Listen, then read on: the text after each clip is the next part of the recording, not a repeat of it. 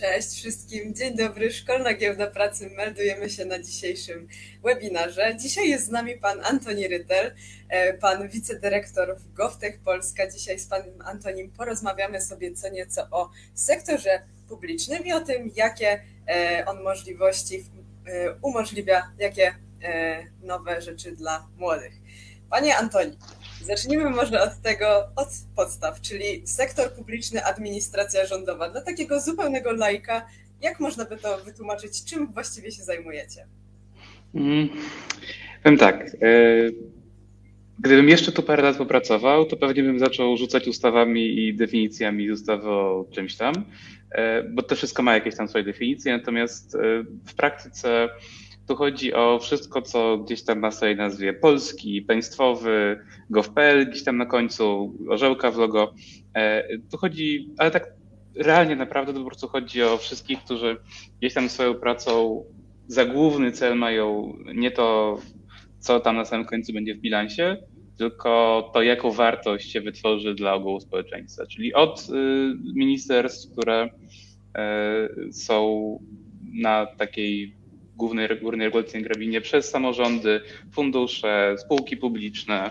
E, łącznie jest to kilkaset tysięcy osób, licząc nawet siły, zbro a, siły zbrojne oczywiście i cała reszta.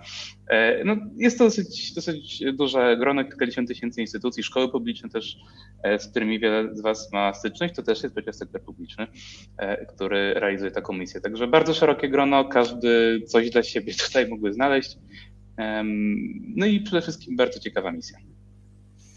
No to bardzo szerokie grono. Może Antoni, zapytam Cię, w jaki sposób Ty się tam znalazłeś? Jak u Ciebie ten taki życiorys przebiegał, taka droga edukacyjna, kariera? W którym momencie to się zaczęło, że być może właśnie ta administracja rządowa? Tak, nigdy, tak, e, nigdy takiego zdania nie wypowiedziałem, e, dlatego że to jeden z tych, jeden z tych sytuacji, w których ktoś e, przychodzi pożyczyć szklankę cukru, a potem zostaje na 20 lat, a w moim przypadku 5. Bo y, zaczęło się od tego, że Ministerstwo Finansów, kiedy jeszcze no, obecny premier był tam wicepremierem, zorganizowało pierwszy, według mojej wiedzy w historii, program stażowy, który zresztą teraz ma jubileuszową dziesiątą edycję, nawiasem mówiąc, jakby ktoś był zainteresowany, który, wtedy to była pierwsza i to był, e, to dzisiaj może to wydawać dosyć absurdalne, ale wtedy był to pierwszy, pierwszy program, który nie był takim po prostu klasycznym, no dobra, no to co musimy z tym gościem zrobić? No dobra, to co my mu damy?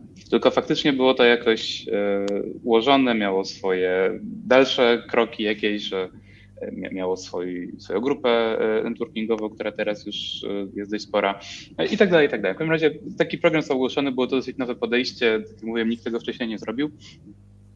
Natomiast udało się to zorganizować, no i gdzieś tam trochę tak o godzinie 23.59, to była jedna z tych rekrutacji, nie?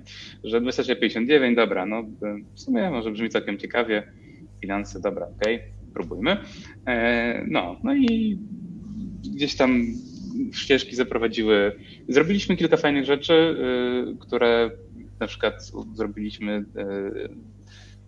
udział na y, największym wtedy, drugim największym wtedy na świecie i największym w Europie hackatonie. Zresztą miał swoją edycję dosłownie zeszły weekend, kolejną.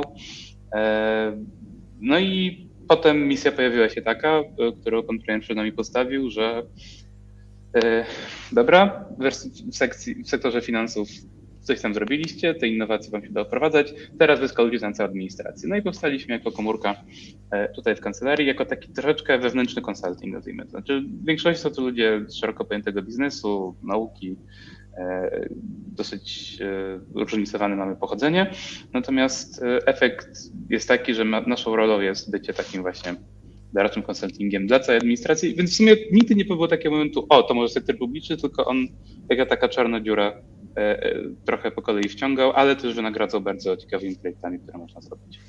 Czyli to zaczęło się od stażu, a w jakim wieku wtedy byłeś? E, wtedy miałem 18 lat, jakoś tak no, do, do, prawie dokładnie po, dokładnie praktycznie po liceum. To był ten czas, kiedy też zaczynałem zagraniczne studia, także przez pewien czas, dokładnie dwa lata łączyłem jedno, jeden żywioł z drugim. Teraz także w związku z pandemią e, jestem powiedzmy tutaj, natomiast e, naprawdę nie, tak, że to nie jest tak, że wyjazd za zagraniczne studia, nawet za bardzo daleko graniczne studia, bo w moim przypadku to była Kalifornia, e, jest jakimś takim dużym ograniczeniem dla możliwej realizacji. Jeżeli ktoś naprawdę chce się zaangażować, to, to w pełni może i, i myślę, że naprawdę fajne rzeczy, rzeczy można robić, także wykorzystując trochę no, to różnorodność doświadczeń, nazwijmy to, która się pojawia. No, studia w Kalifornii to tak nie powiem, marzenie niejednego nastolatka, także może opowiedz nam, jak, jak do tego doszło, że ty się w ogóle znalazłeś na tych studiach? Co trzeba, czego trzeba dokonać w liceum albo w ogóle w szkole średniej, żeby mieć trzeba, trzeba kliknąć wyślij na aplikacji. E, to, to jest, to jest e, główny warunek konieczny, a, a, tak, a tak bardziej poważnie to w moim przypadku moja uczelnia, bo to jest akurat Stanford, no ma troszeczkę inną politykę niż każda inna, bo każda ma troszeczkę swoją E, swoją wyspę ludzi, profilów ludzi, którzy są szukani. W moim przypadku e, myślę, że rzeczą, którą warto rozważyć dla wszystkich jest to, żeby to troszkę dywersyfikować, to znaczy mieć, e, nie mieć założenia, że na pewno się uda, Także dlatego, że z dwóch powodów. Pierwszy dlatego, że łączny odsetek przyjęć jest z rzędu jeden Polak rocznie, czy coś takiego, a po drugie dlatego, że te kryteria przyjęć nie są absolutnie jednoznaczne. Mi chodzi o to, żeby szukać takich ludzi, którzy najbardziej do danej uczelni pasują, są w stanie skorzystać. Czyli jeżeli przykładowo moja uczelnia ma raczej taki profil, nazwijmy to wykorzystania technologii w życiu, czyli e, no i trochę, trochę to było, było coś, co robiłem wcześniej, jest to coś, co robię teraz, e, także jakoś tam wydaje mi się, że im że im pasowałem. Kilku innym uczelniom y, pewnie też, natomiast y, to, co warto powiedzieć, to jest to, że to, to nie jest tak, że tam szukają ludzi, którzy mają e, wszystkie kredki w piórniku i, i, się nigdy się nie spóźnili. To nie jest to, co, co, co, gdzieś tam jest najmocniej poszukiwane. To jest raczej e, pewna inicjatywa, coś, coś sobą reprezentuje, to wartości, dokonania takie, ale w dużej mierze pozaszkolne E, też dla unaocznienia, to, to szkolne to jest jedno z czterech kategorii najczęściej, także naprawdę, e, a pozostałe w ogóle nawet na to nie zwracają uwagi. To jest raczej tak, że trzeba sobą jakiś poziom pewnie reprezentować, natomiast cała reszta to jest to, co wnosisz do tej, tej społeczności uniwersyteckiej. Jeżeli są to zatemperowane kredki, to może szanse są mniejsze. Jasne, rozumiem. A w przypadku właśnie jeszcze tych, tej aktywności pozaszkolnej, pozaszkolnej. Poza tym stażem coś się u Ciebie jeszcze działo? Co tak zapadło Ci w pamięć, no, to, to, to, to, to akurat już się działo po, y, po tym y, dobraniu kierunków, natomiast y, tak, no oczywiście mieliśmy, no powiedzmy tak, była to dość taka stereotypowa biografia, to znaczy taka gdzieś tam olimpijsko, munowsko, językowo, projektowo, fundacyjno, NGO-sowo, jada, jada, jada. No, gdzieś tam jakieś staże, takie rzeczy. Jakby no to, to, czego się mniej więcej możecie spodziewać, natomiast e, nie mam wrażenia, że to było coś, co było najbardziej fundamentalne e, e, ze wszystkim. Czy raczej jeden czynnik, który, który, się, który się sobą pokazuje, to jest jeden, to jest za mało, dlatego że potrzebne są cztery.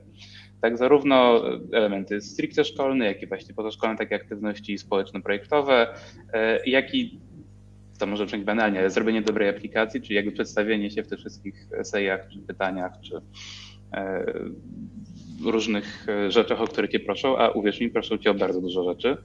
E, ja pracując tu od kilku lat nie wypełniłem tyle rzeczy o sobie, co powiedziałem, że ten, ten kraj wie, ja sam o sobie wiem mniej niż teraz wie o mnie moja uczelnia, um, ale to już zostawmy na boku. To, to nie jest tak, że w, w jednej z nich trzeba być niezłym, a w pozostałych można odpuścić, tylko trzeba prezentować sobą generalnie wysoki poziom, a w czymś się być może wybijać, jeżeli ktoś chce, ale jakby na pewno e, na pewno musi to być spójny obraz, który gdzieś tam rokuje dla rokuje, że ktoś faktycznie skorzysta z tej okazji, którą ta szkoła jest. No realnie o co chodzi?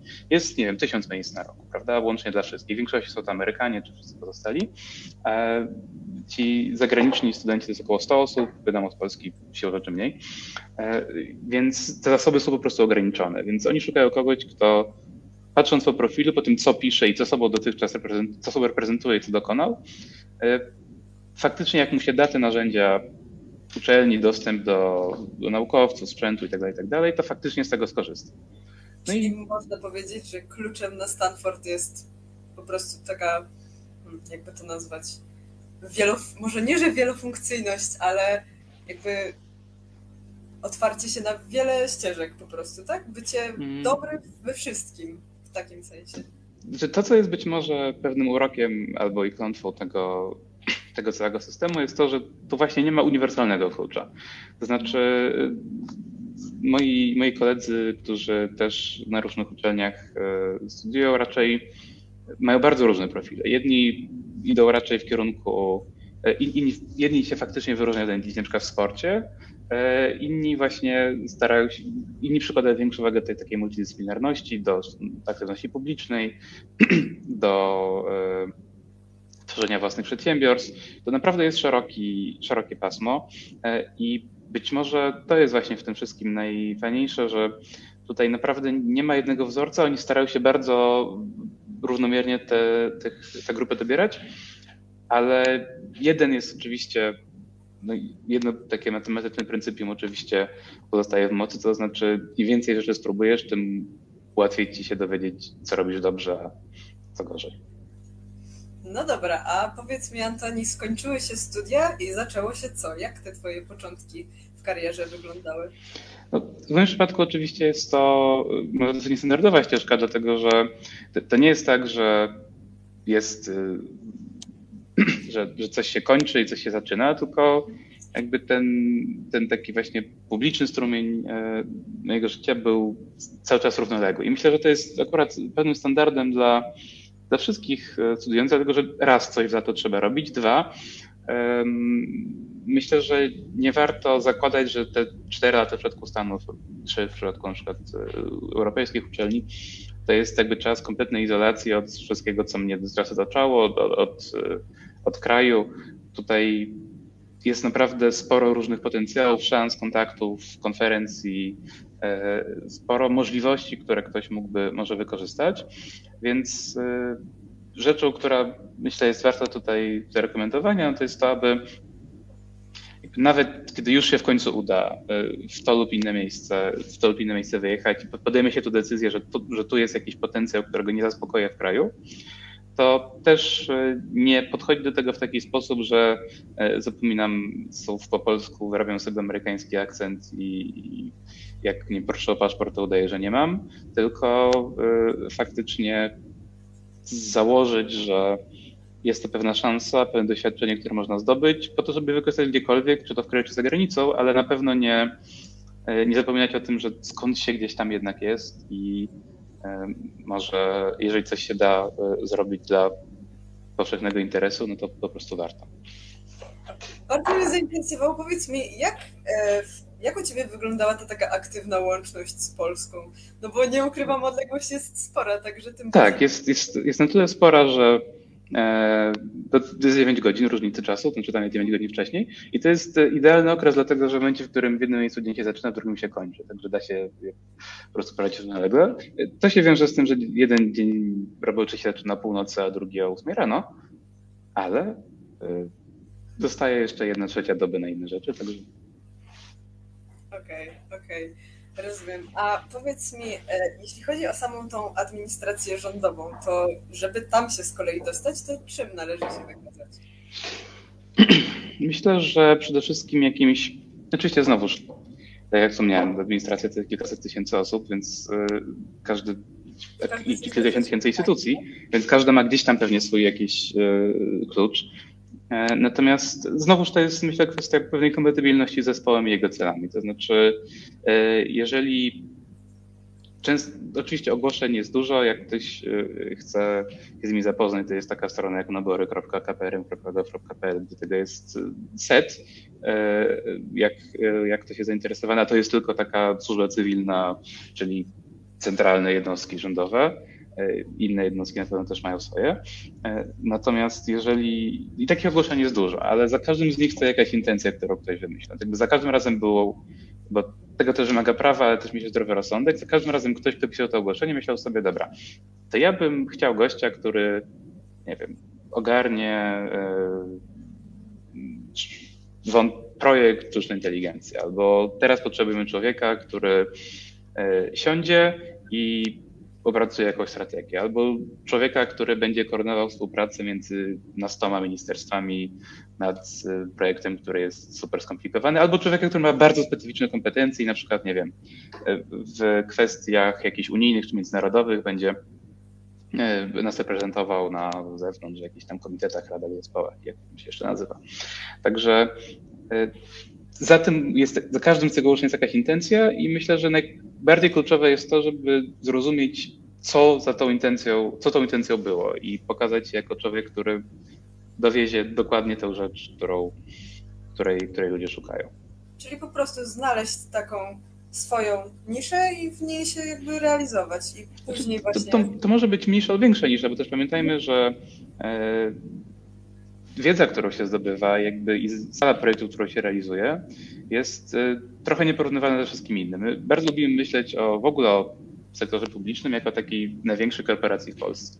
Tak, budżet około pół biliona złotych, e, łączny e, kilkaset tysięcy pracowników, jeden prezes, czyli prezes Rady Ministrów i w związku z tym jest to taka największa konstrukcja, ale ona się tak naprawdę nie różni aż tyle od y, klasycznych korporacji. Dlatego w każdym, w każdym z nich, w, każdym, w, każdym, w całym tym bycie um, zdobywa się naprawdę dosyć ciekawe doświadczenie, które też bardzo często zakłada, że okej, okay, to jest jeden odcinek, ja się na nim realizowałem, teraz zastanawiam się nad jakimś innym odcinkiem na przykład. Tak?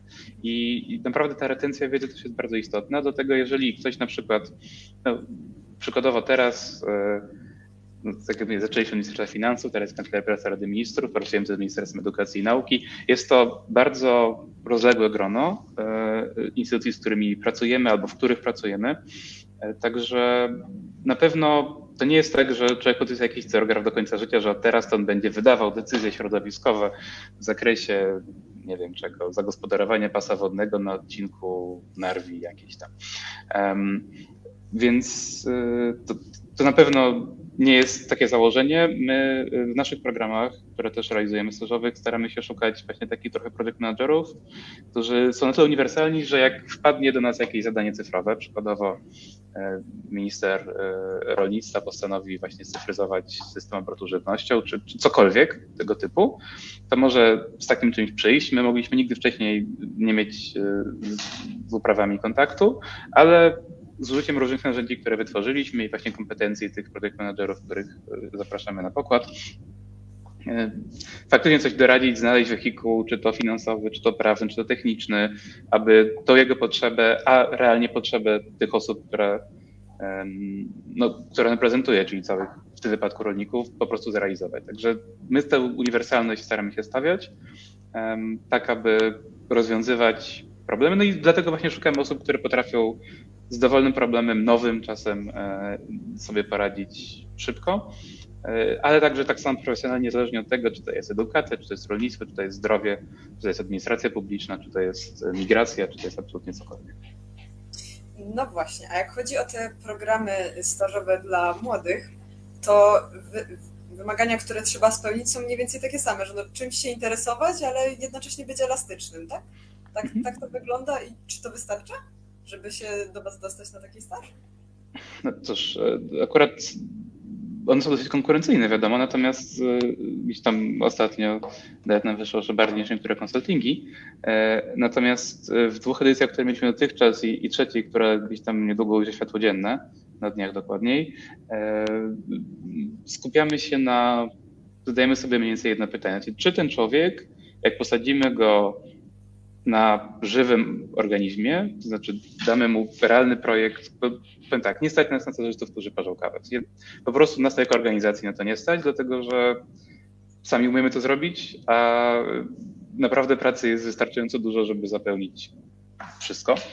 Dlatego często sobie zadajemy pytanie, no to zastanawiamy się, czy to jest osoba, która, jeżeli damy jej realny projekt o większej skali, o sporym oddziaływaniu, który zakłada sporo partnerów i też pewną odpowiedzialność, no bo jednak reprezentujemy pewną instytucję i państwo, to czy ta osoba po prostu sobie poradzi? Znaczy, czy nie podejmie pochopnej decyzji, ale czy też z drugiej strony nie popadnie w jakąś taką niedecyzyjność i refleksyjność.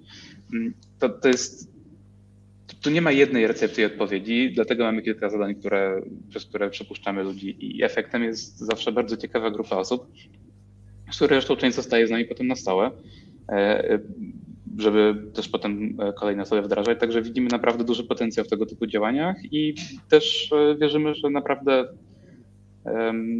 no, zainteresowanie jest spore. Tak? To jest po e, kilkanaście, czasem kilkadziesiąt osób na miejsce, e, ale oczywiście staramy się no, jak, najszerszą, jak najszersze kohorty przyjmować. E, I tak jak mówię, to gdzieś tam może advanced warning w najbliższych dniach będziemy ruszać z kolejną iteracją, także, także zapraszamy oczywiście. No to widzicie, takie wiadomości tylko u nas. A powiedz mi, Antoni, jeszcze chciałam się zapytać o takie twoje, twoje zdanie jako, że już troszkę w tym GovTechu e, pracujesz, to jak wygląda taki wasz system pracy, jakaś atmosfera, ewentualnie możliwości? E, jakby według ciebie warto? Naprawdę warto. Powiem Bo tak. E, jak... że to warto, prawda? Ale chciałam się dopytać właśnie jeszcze o, ten, o te możliwości, o ten system pracy, atmosferę. Jak to tak Co, wygląda na Za, założenie, które sobie postawiliśmy jest takie, że znaczy, a gdyby nie było warto, to naprawdę każdy z nas był w stanie.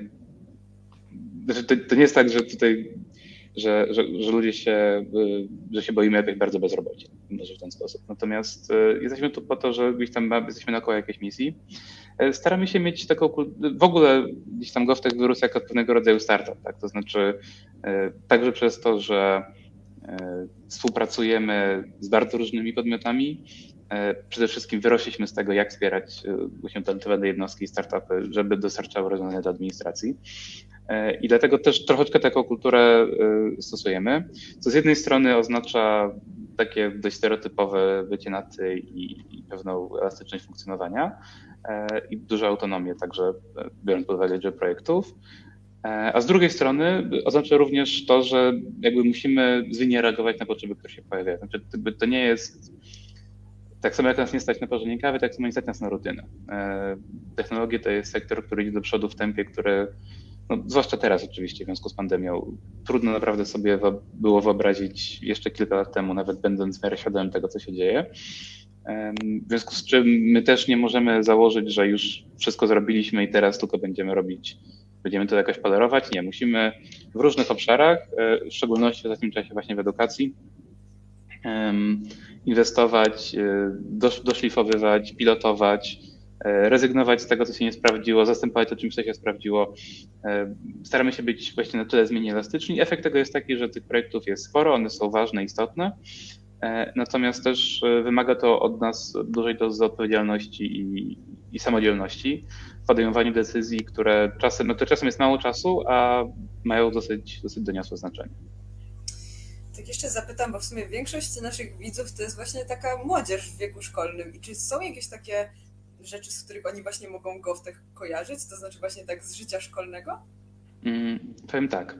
E, akurat jeżeli chodzi o szkołę ponadpodstawowe, czyli też licea, to e, jeszcze z tym chwilkę trzeba było poczekać. Natomiast jeżeli ktoś ma młodsze rodzeństwo, które jeszcze chodzi do szkoły podstawowej, e, między pierwszą szko- klasą a ósmą, to e, razem z Ministerstwem Edukacji i Nauki realizujemy właśnie program, który się nazywa Laboratoria Przyszłości, który jest, zresztą kwotowo to jest ponad miliard złotych, czyli tam najwięcej, kiedy ktokolwiek taką nowoczesną edukację przeznaczył. No i to oznacza, że od 1 września w każdej szkole podstawowej będzie no, dużo takiego nowoczesnego opancerzenia, drukarki 3D, jakieś Arduino, mikrokontrolery i tak dalej.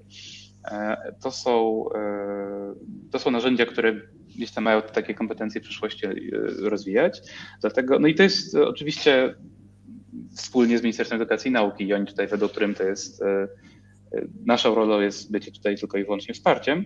Natomiast no to jest jeden z projektów, którym my jako zespół się zajmujemy. Raczej myślimy o sobie nie jako instytucja, tylko jako zespół, który właśnie w tym wypadku ministrowi edukacji i nauki, jego, pom jego pomysł pomagamy, pomagamy realizować. No i właśnie w tym przypadku mamy tutaj taką otwartość, że e, mówimy tu o każdej szkole podstawowej, z których zgłosiło się zresztą 99% już, także 15 tysięcy szkół. Jeżeli chodzi o młodsze rodzeństwo, to zaręczam, że laboratoria przyszłości to jest hasło, które się gdzieś tam w szkole pojawiło prędzej czy później.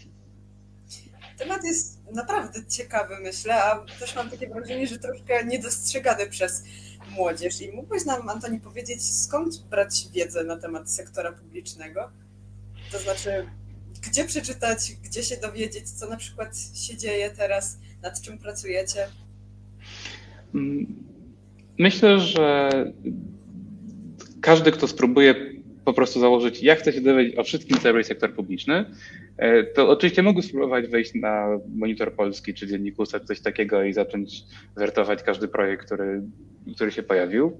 E, jakby powodzenia. E, naprawdę, być, być może to też jest, byłaby cenna kompetencja, ale powiedzmy dla, dla tych z nas, którzy którzy mają inne hobby, to e, raczej sugerowałbym zastanowienie się nad jakimś obszarem, to znaczy powiedzenie, e, dobra, mnie na przykład ciekawi cyfryzacja, e, mnie ciekawi edukacja, mnie ciekawi, ciekawią finanse i tak dalej, tak dalej. Zwykle jest tak, że jest jakaś, że, że, instytucje, które za to odpowiadają, tak naprawdę no, chcą o tym mówić, tak? chcą mówić, co robią. E, oczywiście czasem są to dziwne skróty, które na pierwszy rzut oka trudno rozszyfrować, tak, to prawda. Czas, prosty język to jest coś, co gdzieś tam się w bólach e, dopiero wprowadza w sektorach w sektorze publicznym, ale sporo też wysiłku zostało już w tym celu poczynione.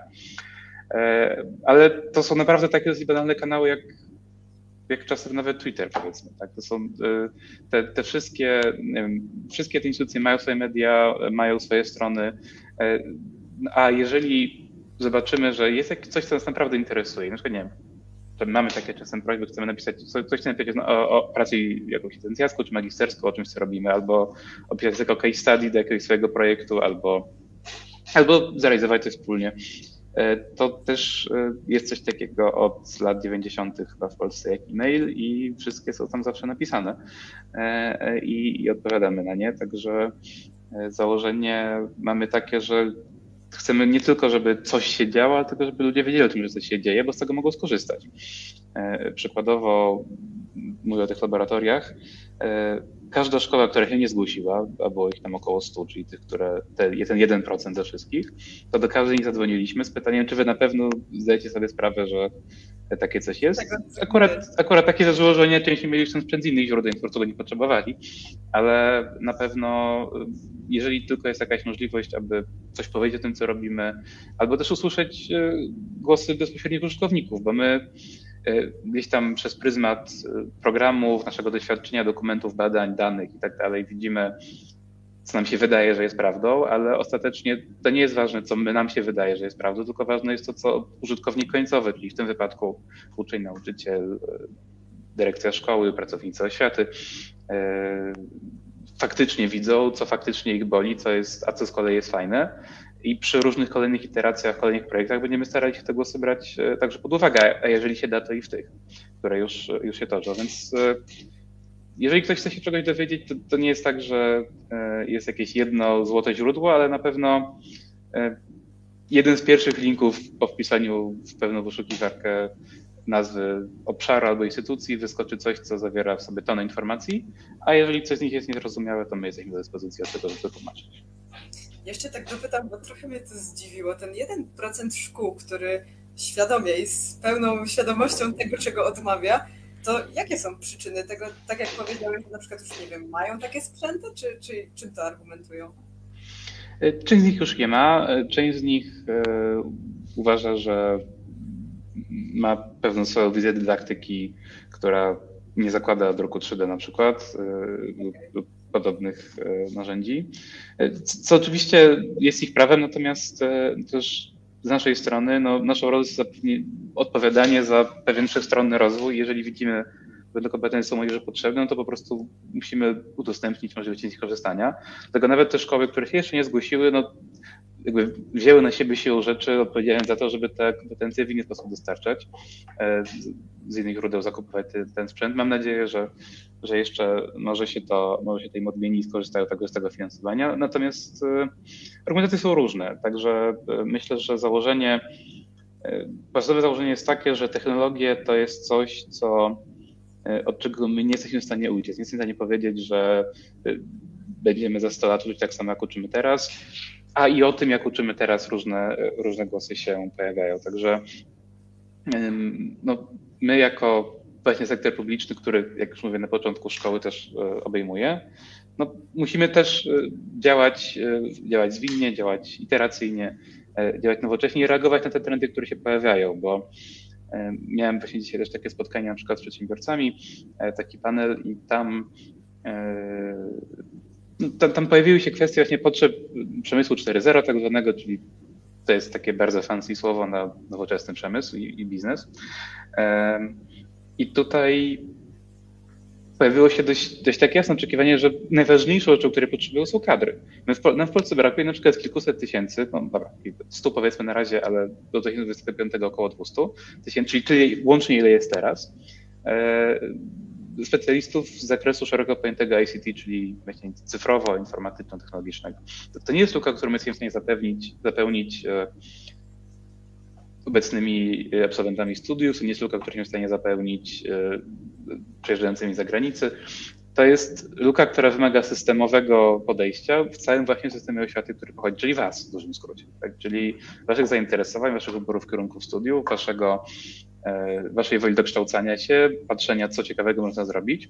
E, także e, my, my patrzymy na to z perspektywy takiej, że gospodarka przyszłości to jest coś, co na pewno będzie i edukacja jest inwestycją, która daje gigantyczne zwroty, być może największe zwroty na samym końcu, tylko jest niestety strasznie, strasznie powolna, no bo to jest jednak te 12 lat szkoły plus kilka lat studiów czasem które, e, które upływają. Więc my stawiamy na jakieś takie kompetencje, które są ogólne, przykładowo samodzielne rozwiązanie problemów, czy obycie w ogóle z nowoczesnymi technologiami, e, że to są te umiejętności, które chcemy, żeby były, żeby były rozwijane, a to, czy ta zdolność samodzielnego rozwiązania problemów to jest coś, co dana osoba będzie wdrażała w technologiach, czy w prawie, czy w medycynie, czy w humanistyce, to naprawdę z naszej perspektywy to nie jest coś, co będziemy w stanie przewidzieć, ale musimy przewidzieć to, co jest nie do przewidzenia i wyekwipować ludzi, żeby oni sami byli w stanie to przewidzieć i sobie z tym poradzić.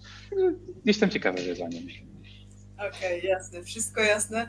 Teraz może oddajmy głos młodym. Zapytamy się Was, moi drodzy, może Wy teraz macie jakieś e, pytania, także jak najbardziej w komentarzach czekamy na Wasze zdanie, na Wasze pytania do Antoniego. E, także teraz chwila dla Was, można się jak najbardziej jeszcze zastanowić. Ja Ci, Antoni, jeszcze, e, jeszcze mam do Ciebie takie pytanie, czy masz może jakieś takie, mm, taki swój nawyk, który uważasz, że młodzi ludzie dobrze by było, żeby wprowadzili?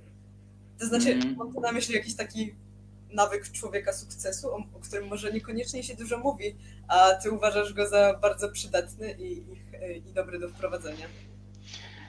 Powiem tak, e, nie wiem, nie wiem, czy bym się jakoś tak bardzo określił, natomiast e, był taki moment, kiedy na uczelni jakiś ten zabłądziłem trochę i trafiłem na jakiś taki wykład, który miał sobie bardzo dużo wyrazów, które, które sugerowały przedsiębiorczość i do tego się więcej sprowadzały, ale nazwane były dużo bardziej ekscentrycznie.